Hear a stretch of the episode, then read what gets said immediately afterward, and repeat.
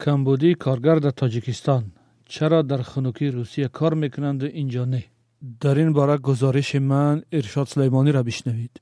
امام رحمان رئیس جمهوری تاجیکستان از کمبود کارگران در ساختمان های تاجیکستان اظهار نگرانی کرد. او در پیامش به مجلس عالی گفت که باید در بنیاد نیروگاه برقیاب راغون 20 هزار کار کند. حالا 5 هزار کارگر دیگر نمی رسد می‌گوییم جای کار نیست. مرحمت. شکوه رئیس جمهور در حالی است که حالا طبق اطلاع رسمی وزارت مهنت مهاجرت و شغل اهالی در کشور 58 هزار نفر بیکارند. اما برخی کارشناسان و تحلیلگران آمار بیکاران را خیلی بیشتر از آمار رسمی می‌دانند. از جمله چند سال پیش رئیس پیشین ولایت مختار کوهستان بدخشان یادگار فیضف در نشست خبری گفته بود بر اساس آمار رسمی در این منطقه 4327 نفر به عنوان افراد بیکار ثبت نام شدند.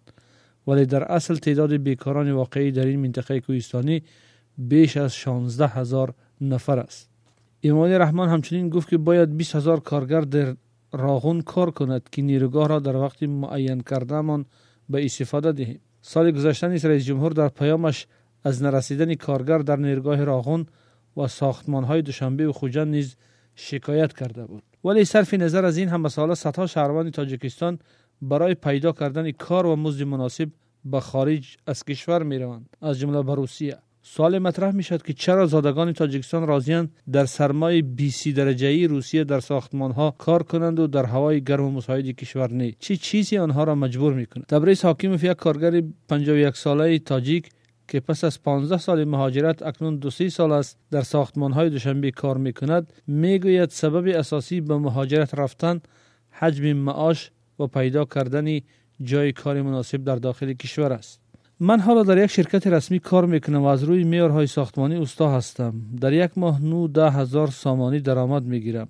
در روسیه هم استاها 90 هزار روبل معاش دارند. اگر بسیار بسیار باشد از 150 هزار بیش نیست. اما یافتن کار با معاش مناسب در تاجیکستان آسان نیست. مثلا دیروز برای ما دو سه کارگر برای چند روز در کار شد. اعلان دادیم چیل پنجاه نفر آمد.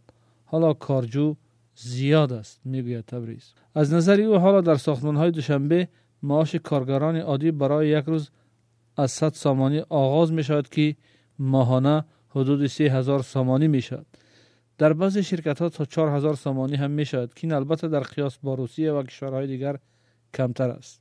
کارشناسان دلیل بیشتر برای کار در روسیه توجه داشتن شهروندان تاجیکستان را به های گوناگون مربوط می‌دانند فاضل جان فتالایف کارشناس مسائل اقتصادی مطابقت نکردن معاش و درآمد مردم با نرخ آزوقواری خیلی زیاد بودن ارزش خدمت رسانی های کمونالی سطح بلند انداز گران بودن حق تحصیل فرزندان در مکتب دانشگاه و حتی کودکستان ها و صفت پست معارف و علم را که سبب خانوادگی به مهاجرت رفتن می شود از دلیل های عمده می داند سبب ها زیادند. تصور کنید که شما باید خانواده یا پدر و مادر را از نظر اقتصادی تامین کنید. فرض کرده می روید براغون برای معاش میانه 3 4 هزار سامانی. آیا این برای آزو قواره سر و لباس خراجات کمونالی حق تحصیل فرزندان و سر و لباس آنها می رسد البته نه. دیگر مردم مجبور است که به روسیه رود تا از آنجا به خانه مبلغ بیشتر بفرستد. مثال می‌زند فتح اما ظاهرا به نظر می رسد که کمبود قوای کاری در تاجیکستان حتی برخی از شرکت ها را مجبور کرده است که از خارج کارگر بیارند. از جمله شرکت چاینا رایول که مسئول بنیاد راه اسپیتامین کانی بادام در ولایت سوخده است نزدیک به چیل کارگر را از کشور افریقایی غنا آورده است.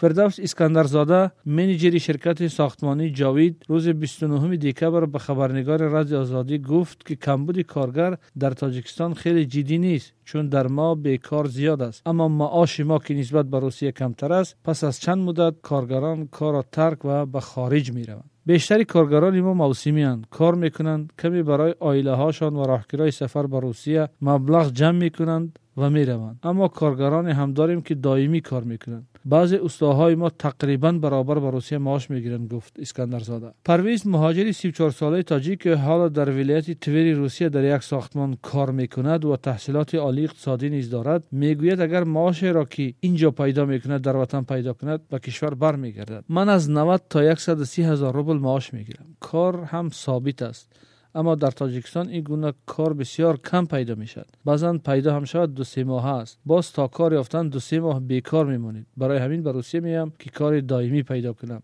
افزاید پرویز. منظره کنونی بازار شغل تاجیکستان در حال حاضر بر اساس معلومات رسمی وزارت مهنت چنین است که از نزدیک به ده میلیون اهالی تاجیکستان همگی دو میلیون و 560 هزار و 200 تن مشغول کار بوده. 387 هزار تن مهاجر بودند. شخصان بیکار همگی 58 هزار حساب شدند از این تعداد دو میلیون و 560 هزار و 200 تن صاحب شغل رسمی و بیش از 150 هزار شغل غیر رسمی دارند.